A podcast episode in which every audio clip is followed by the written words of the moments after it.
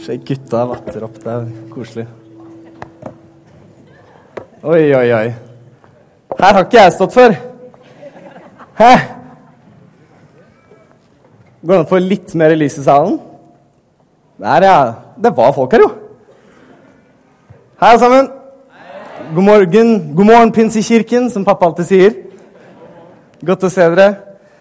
Eh, først og fremst vil jeg bare takke Connect, som bare leder oss inn i lovsang. Er, eh, jeg kunne ikke ha stått her uten dem i dag. Nære venner og virkelig noen som står opp for Jesus i 2017. Hm? Det er bare utrolig bra å se hvordan ungdomsgjengen har vokst opp og blitt den gjengen vi har blitt. Hm? Det er utrolig bra. Kjære Jesus, jeg bare takker deg for at du er her nå.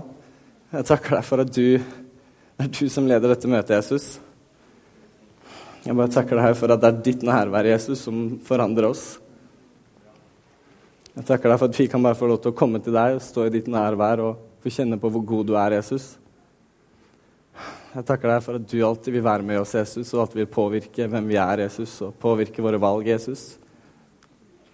Enten det er på en søndag i det hele tatt å ta valg til å komme til kirken, men at du er med oss i alle valg i vår, våre liv, Jesus. Amen. Amen, amen. Å, oh, kjære. Det er litt annerledes å stå her enn på puls. Det skal jeg ærlig innrømme. En dag så er vi like mange på puls òg. Jeg skal dele litt med dere i dag. Som sagt, Dette er min aller første gang her eh, på et søndagsmøte. Jeg har fått den ære av å preke noen ganger på puls, og trives godt med det. Eh, så dere er gærne nok til å sette meg på storesalen og satse på at jeg i det hele tatt eh, bringer riktig Guds ord og full pakke. Det er jo det er ikke bare verst i seg, det. Altså, det er eh, det. Det setter jeg pris på. Mor og far som står i spissen og leder denne menigheten. Takk for at dere i det hele tatt tør å sette sønnen deres opp her. En ting er å sette andre opp her, men sønnen sin, det er liksom Da skal du være sikker på at han har noe å komme med, liksom. Det setter jo det ryktet på familien og full pakke. Nei, men nå må vi komme i gang. Jeg vet ikke om vi fikk opp den powerpointen til slutt. Gjorde vi det?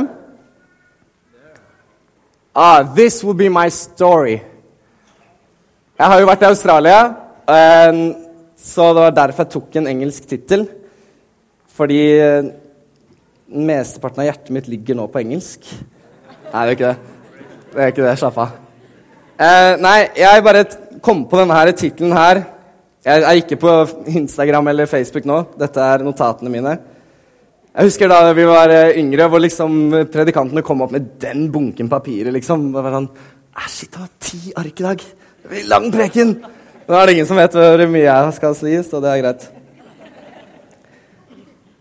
Um, ja, jeg bare This will be my story. Jeg kom på den da jeg skulle dra til Australia. For uh, det handlet For meg så var det et stort valg å skulle si ja til å dra til Australia. Det var liksom bare ikke noe som uh, Det var ingen som hadde tvunget meg til å skulle dra til Australia. Jeg hadde ikke hørt noen Guds stemme liksom bare si at du skal dra til Australia. Men det var virkelig et valg jeg selv måtte ta. Og uh, i dag skal det handle om å ta valg. Um, så jeg kalte den for 'This Will Be My Story' fordi jeg tror at våre valg kommer til å påvirke livene våre. Jeg tror at våre valg kommer til å forme hvem du er, og forme den historien du en dag forteller. Når jeg blir 70, så ønsker jeg å kunne fortelle min livshistorie, hvor virkelig Gud har fått lov til å være med i alle valgene jeg tar, og han har fått lov til å være med i alle stegene jeg tar i løpet av livet når jeg blir gammel. Så denne eh, prekenen her handler om 'This Will Be My Story' den historien du vil fortelle dine barn, dine barnebarn, dine oldebarn en gang i tiden, hvor jeg personlig allerede ønsker at vet du, Jesus skal skinne gjennom alle valgene jeg har tatt, og hvert eneste steg jeg har tatt, så skal Gud være en del av det. Er det greit? Ok, Da går tida. Jeg fikk veldig streng beskjed om at tiden måtte være på on point i dag. Ok, skal vi se. Um, når jeg skulle drive og um, skal vi forberede deg litt, så måtte jeg jo bruke litt Bibelen òg. Det, Det er liksom ikke bare jeg som skal stå og snakke, men eh, jeg tror virkelig på at Guds ord har mye kraft i seg. Jeg skal ikke gå så veldig mye i dybden i Bibelen i dag. Det skal jeg ikke gjøre første gang jeg står på scenen. Det overlater jeg til eh, eldsterådet, de gamle gutta. Nei da. Eh, men jeg skal bruke litt Bibel. Um, du kan ta neste slide, Sebastian. Um, når jeg drev og skulle eh, lagde talen, så kom jeg på eh, historien om Josef. Ikke Josef som mann til Maria, men Josef drømmeren, eller drømmetyderen. Eh, jeg syns han er et ekstremt godt bilde på hvordan livet vårt kan gå opp og ned. Og eh, han er virkelig et sånt stort forbilde for hvordan det må leve, leve nært til Jesus.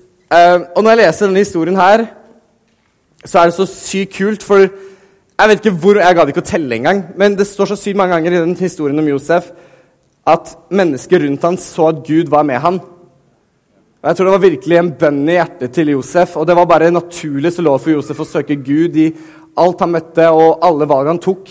Så bare ble det til at Gud var en del av hverdagen hans, og ikke bare en søndag. ikke sant? Så eh, det hadde ikke jeg Jeg har bare sett den der tegnefilmen. Er det noen her som har sett den der tegnefilmen Josef? Ja, det er en del. Sykt kul tegnefilm. Men når du først begynner å lese i Bibelen, det er da du liksom ser hvor kul den historien faktisk er, og hvilken mann Josef var. Um, jeg skal ikke lese hele historien, for det er en del sider og en del vers. Men jeg kan fortelle litt kort for deg som ikke vet helt historien om Josef. Eh, Josef var en gutt som ble født av eh, Han ble ikke født av Jakob, men han var sønn av Jakob. Han, han vokste opp med en haug av brødre. Eh, han var litt sånn favorite boy i familien. Han eh, var liksom Jakob hadde blitt veldig gammel da han fikk liksom sønnen, så det var et sånn miraklenes barn. da. Og Josef eh, Jeg har vokst opp med brødre selv, men jeg tror han hadde faktisk enda flere brødre enn meg. Stakkars fyr. Eller Nå har jeg vært den eldste, så det har ikke vært så stakkars for meg, men eh, samme det. Han vokser opp, blir veldig sånn favorittgutten til far sin. Og eh, får en del goder, og brødrene hans blir ekstremt sjalue på Josef. Eh, en dag så tar guttene hans faktisk og kaster den en brønn. og får så filen opp igjen, for så å selge den til noen eh, kjøpsmenn, som videre selger den inn, eh, tar den med til Egypt og selger den til Potifar. Potifar var ikke farao, men han jobbet for farao. Og der begynte Josef altså å jobbe for Potifar. Um, og det jeg er så kult i denne historien, bare allerede der uh, Han var nede, han ble tatt opp, og det er ikke kult å være slave for Potifar heller. Men likevel så står det at Potifar så at Gud var med Josef. Så til slutt så endte det opp med at Josef hadde like stor, han hadde like stor makt som Potifar i det huset han tok seg av på. Og det bare viser hvor kul Gud er egentlig er. da. Selv om Josef ble kasta i brønnen, så bare gjør Gud underet ut av en sånn handling. ikke sant? Og Eh, jeg syns bare det er så sykt kult hvordan Gud bare snur hele situasjonen noen ganger. Og det tror jeg er fordi Josef også virkelig ønsker å skulle stå nær til Gud òg. Um, jeg, jeg, har ikke skrevet ned hele bibelversene, fordi jeg skal ikke gå så dypt inn i den historien. Men jeg, har, eh, jeg, skal, jeg skal, lese de to versene der for dere. Um, Josef jobber for farao. Han, uh, han har, nei, Potifar. Potifar har en kone som begynner å bli ekstremt interessert i Josef. Og skal begynne å prøve seg. Og jeg tror, jeg tror det er litt sånn med våre liv òg. Når ting begynner å gå bra, så er det dessverre en ond side som virkelig begynner å prøve med litt fristelser, prøve med å komme med utfordringer. Og det virker som på Gud at han stopper ikke alle utfordringer, men han prøver å gjøre det beste ut av utfordringen og gjøre at vi kan komme det beste ut av det. Så eh, Første Mosebok 39,9 står det at eh, ja, altså, kona til Potifar kommer bort og så spør hun om eh, Josef om han kan få ligge med henne. Men så sier hun at nei, dette ønsker jeg ikke. Så sier eh, Josef til kona det er ingen som er større enn meg i dette hus. Potifar har ikke forbeholdt noe for seg selv, bortsett fra deg. For du er hans hustru. Og så kommer det jeg syns er så fantastisk med dette bibelverset. Så sier Josef hvordan kan jeg da gjøre en så stor ondskap og synde mot Gud? Og Det er så fantastisk å se hjertet til Josef da. Han, han først nevner ikke liksom, ok, hvordan kan du gjøre dette først og fremst mot Potifar. Men han har bare et så stort hjerte for Gud og bare å ta Det her kan ikke jeg gjøre mot Gud. Han står så nære til livet. Dette er feil. Og det var som jeg snakket med pappa om det her. Han hadde ikke fått loven engang. Det var ingenting som hadde fortalt Josef hva som er rett og galt, men han levde så nære til Gud. Så det var bare et eller annet på innsiden han som bare ah, Det der kan ikke jeg gjøre mot Gud. Og det er virkelig det jeg ønsker at vi også skulle ha i våre hjerter. at først og fremst handlingene våre skal ikke bare, Selvfølgelig skal ikke handlingene våre være vonde mot hverandre. Men først og fremst så handler det noen ganger om hva er det som er rett og galt overfor Gud. Det, hvilke valg er det jeg tar som påvirker Gud? Og jeg vet ikke, bare Jeg syns bare det sier litt om hjertet til et menneske når det er Gud som liksom kommer fram aller først når jeg er på vei til å ta et valg. Og det her var ikke et kult valg for Josef, for han vet hvordan det kom til å ende. Han ble satt i fengsel pga. han tok et kjipt valg for menneskene. For han visste at ok, hadde jeg ligget med hun kona Vet ikke helt hva, eh, hvordan det ville blitt, men det er ikke sikkert jeg hadde havna i fengsel. Men jeg tror Josef bare visste hva som var rett overfor Gud.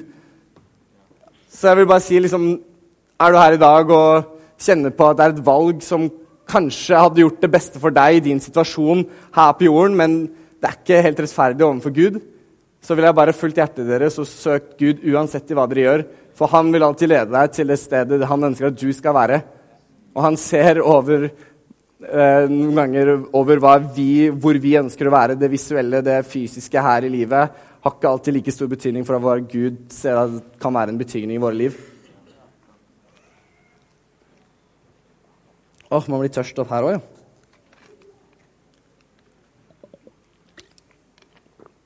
Åh, var godt.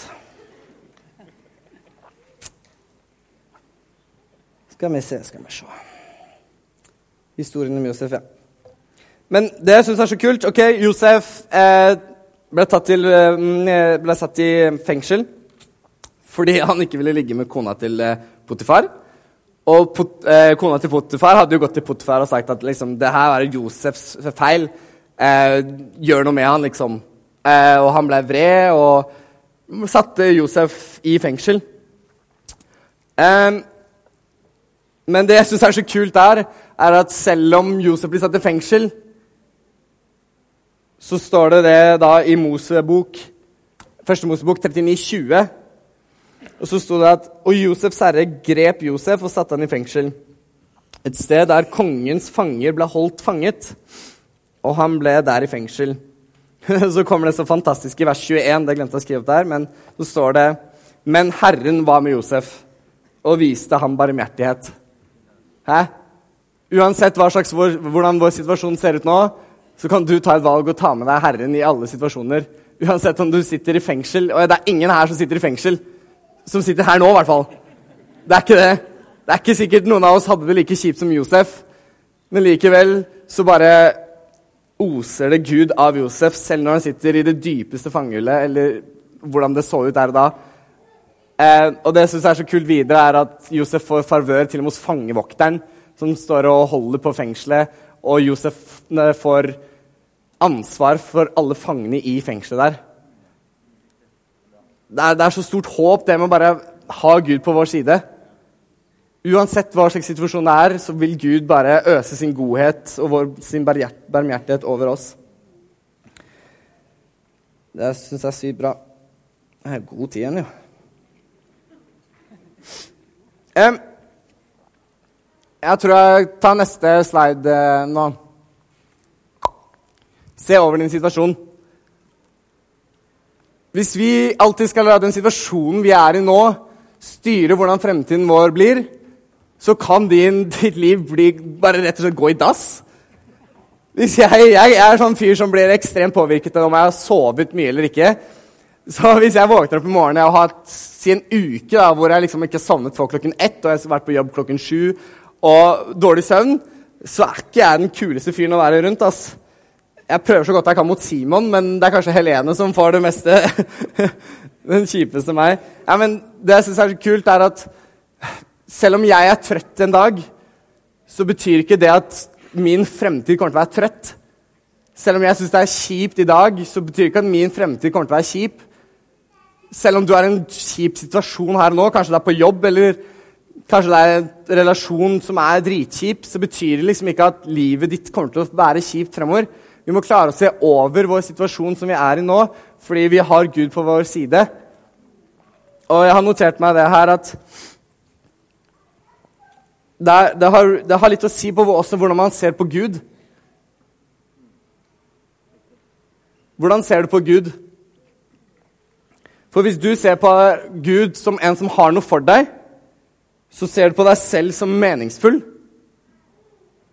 Og du ser på deg selv med en som har verdi og en, et, et purpose her på jorden. da. Og det tror jeg har en stor faktor på hvordan din fremtid kommer til å se ut, av hvordan du ser på Gud. Hvis dere skjønte den. For Hvis du tror bare at Gud er en kjip Gud og streng Gud, så kommer fremtiden din til å bli kjip òg. Hvis du tror virkelig på at Gud har noe for deg, så har du et så stort håp at du kan bare rette ditt blikk mot Gud over den situasjonen du er i nå, men begynne å se fremover og virkelig kunne se at Gud har noe for deg i fremtiden. For det har han sagt. Og det er så godt å vite. Det handler om å rette fokuset mot Gud og ikke mot den situasjonen du allerede nå står i, om den er kjip. Um, og så er det liksom Hvordan kan vi gjøre noe med dette her? Neste slide. Gjør en bevisst forandring. Du kan ikke bare Eller det jeg tror, da, eller det jeg har fått erfart, er at livet er kjipt hvis jeg bare skal tro på Gud, men ikke involvere Gud. Da blir hverdagen ekstremt kjip. Det blir null spenning. Det er liksom Ja, jeg kommer på søndager, det er fett, det. Gud er der, og jeg kjente Guds atmosfære. Men Gud ønsker å involvere deg i ha, Bli involvert i hverdagslivet vårt. Han ønsker å kunne stå ved din side på skolen eller på jobb, hvor enn du er. Og det var et bibelvers som traff meg, det med når Paulus snakker om at en forandring i vårt liv kommer ikke bare gjennom å bli gjenfødt, men fornyelsen av vårt sinn. Og jeg tror det er noe med det er at hvordan din hverdag blir ekstremt mye påvirket av hva som sitter oppi her.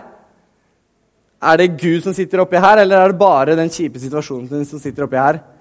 Og for å kunne komme deg ut av en kjip situasjon, så handler det om å ta rett og slett en bevisst handling eller en stor forandring i det livet du har. Jeg, skrev, jeg liker jo notater. Jeg skriver nesten alt på notater. Og det er sånn, Jeg kan sitte på toget, og så bare dukker det opp tanker. Så skrev jeg ned det at eh, det alltid starter med oss selv.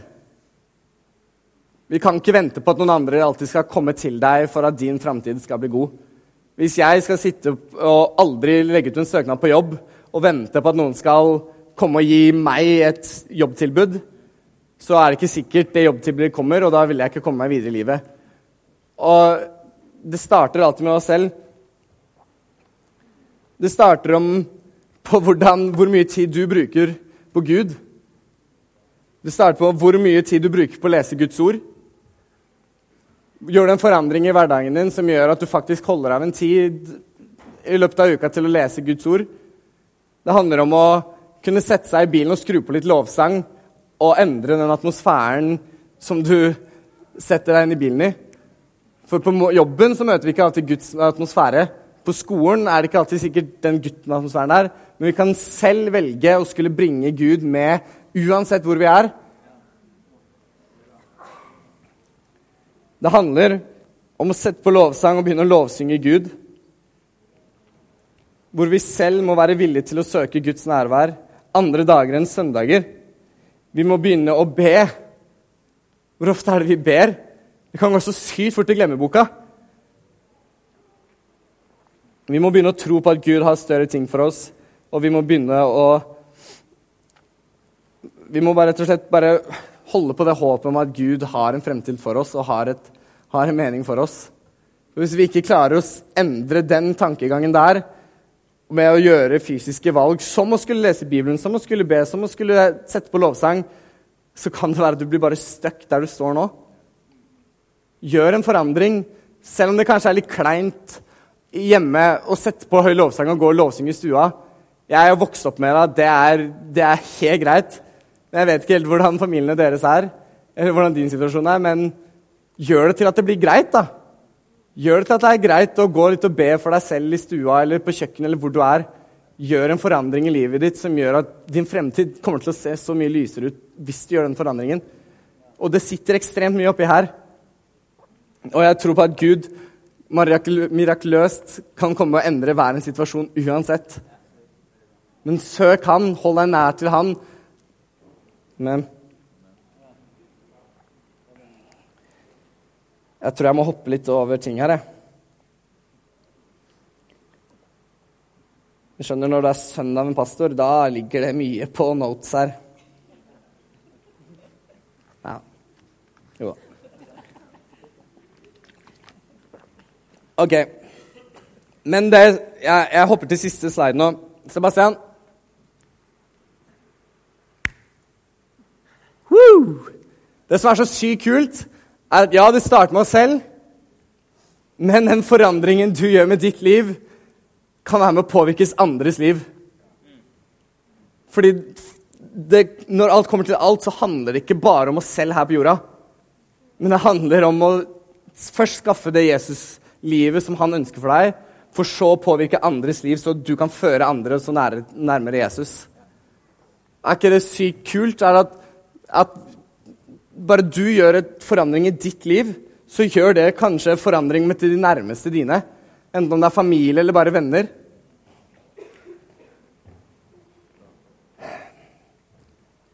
Der, eh, det ble påminnet det der bibelverset når Moses er oppe på fjellet og møter Gud. Hvor han virkelig kom nær til Gud. Og når han kom ned, så bare skinte det av Moses. Og Jeg tror det er sånn med våre liv òg. Når vi søker Gud og holder oss nær til Gud, så kommer det til å bare skinne ut av vårt liv. Er, jeg har selv endret bakgrunnsbildet på telefonen min, hvor det står 'Lord, let them see you in me'.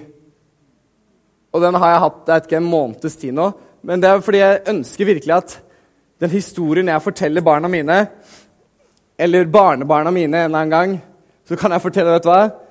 Bevisst så tok jeg valg hvor jeg involverte Jesus bevisst så begynte jeg å trekke meg så nære Gud som mulig. Jeg brukte tid med han, jeg leste Guds ord.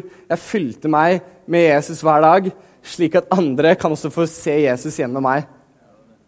Slik at andre kan få lov til å være i, i mitt nærvær eller i min sosiale hva skal vi si, omkrets, eller også virkelig få se at vet du, det er noe annerledes med Benjamin. Jeg vet ikke helt, Han er, jeg ser ut som det er et menneske. Han har to bein og armer og alt. Men det er bare noe på innsida til Benjamin som reflekterer noe som jeg ikke merker noen andre steder. Og det er bare så sykt godt at vet, hvis vi holder oss nære til Gud, så kan vi gjøre det her. Men vi må holde oss nære til Gud. For Gud tvinger seg ikke på oss. Gud blir ikke en del av hverdagen vår hvis ikke vi tar dette initiativet. Men Gud vil alltid være der og bare stå med åpne armer. Selvfølgelig skal jeg være med deg. Så jeg vil bare oppmuntre dere til at til å ta med Jesus i sentrum hver dag.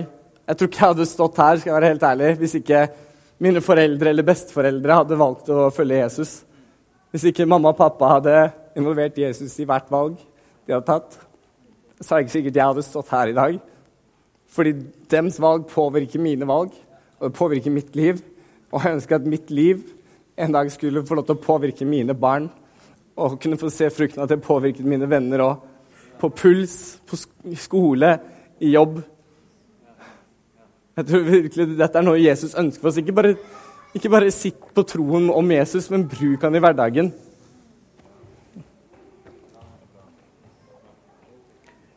Um, lovsangerne kan vel komme opp.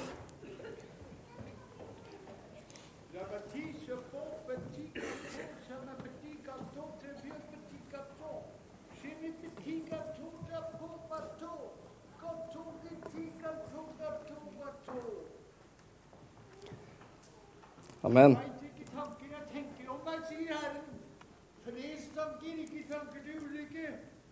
Skal gå ut i verden og forkynne evangeliet for meg, sier Herren. For du er utvalgt, et utvalgt redskap i de siste tider. Og jeg skal være med deg.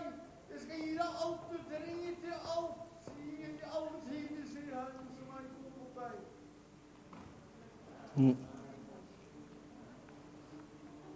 Gud. Til slutt så vil jeg bare si at vi har en hjelper. Dette har jeg lært fra først og fremst min bestefar, Tom, at vi har Den hellige ånd. Bruk Den hellige ånd, dere. Om du ikke er døpt i Den hellige ånd ennå og taler i tunger, søk det. Virkelig søk etter hva Den hellige ånd har for deg. For jeg har bare lagt merke til at det var ikke et sånt stort pang som skjedde idet jeg ble anstøpt på en hyttetur da jeg var 14 år gammel. Jeg bare kjente et nærvær, og jeg begynte å tale i tunger, men det var ikke sånn at jeg bare så der og da at livet mitt bare totalt ble forandra. Ikke sett en Hvis du også har opplevd Den hellige ånd, men du er litt usikker på om dette Var det meg, eller var det Gud, eller Hva var det her for noe? Og du hører liksom andre forteller vet du hva, det var helt sykt da jeg ble født i Den hellige ånd, nei, døpt i Den hellige ånd. og Det ble så mye lettere å være på skolen, og det ble så mye lettere å være sammen med deg.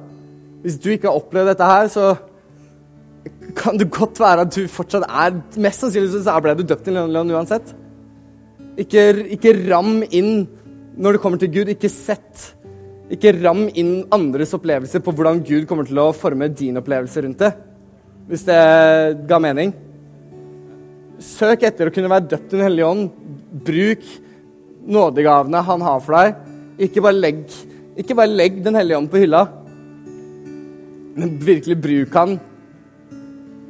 For det er han som er, kommer til å være din beste venn framover, om du virkelig ønsker det. Og det er han som kommer til å stå nær til deg, det er han som kommer til å dunke litt på hjertet ditt når du har en kompis som virkelig trenger at du oppmuntrer ham litt. Bare bruk Den hellige ånd, dere. For han er virkelig like virkelig som Jesus. Så far, jeg bare takker deg for at du er med oss alle dager. Jeg bare takker deg for at du står ved vår side hvert vårt steg i alle valg vi tar, Jesus. Så bare ber jeg for alle vi som står her, at du virkelig skal få påvirke våre hjerter, Jesus til å rette våre blikk mot deg. Om vi er i en kjip situasjon nå, Jesus, så kan vi fortsatt rette våre blikk mot deg og vite at du har noe med for oss, Jesus. Jeg takker deg, Jesus, for at vår fremtid er lys i dine hender. Jeg takker deg, Jesus, for at du faktisk ønsker å være med i alle valg vi tar, Jesus. Du ønsker å kunne være en del av vår hverdag, Jesus, ikke bare på søndager, men om vi er i bilen eller på skolen eller jobb eller bare rundt middagsbordet hjemme, Jesus, så bare takker jeg deg for at du ønsker å være midt iblant oss. Og alt vi trenger å gjøre, er bare gjøre en liten forandring, Jesus, hvor vi kobler oss bitte litt mer på deg, Jesus. La det få bare bli en prosess hvor vi bare kan litt og litt bare koble oss mer på deg, Jesus, og la dette bli en naturlig, at du blir en naturlig del av vår hverdag, Jesus. Og ikke bare en Gud som er på avstand men en Gud som virkelig lever på vår innside, som kan bare stråle ut til de vi er sammen med Jesus. Takk, Jesus. Amen.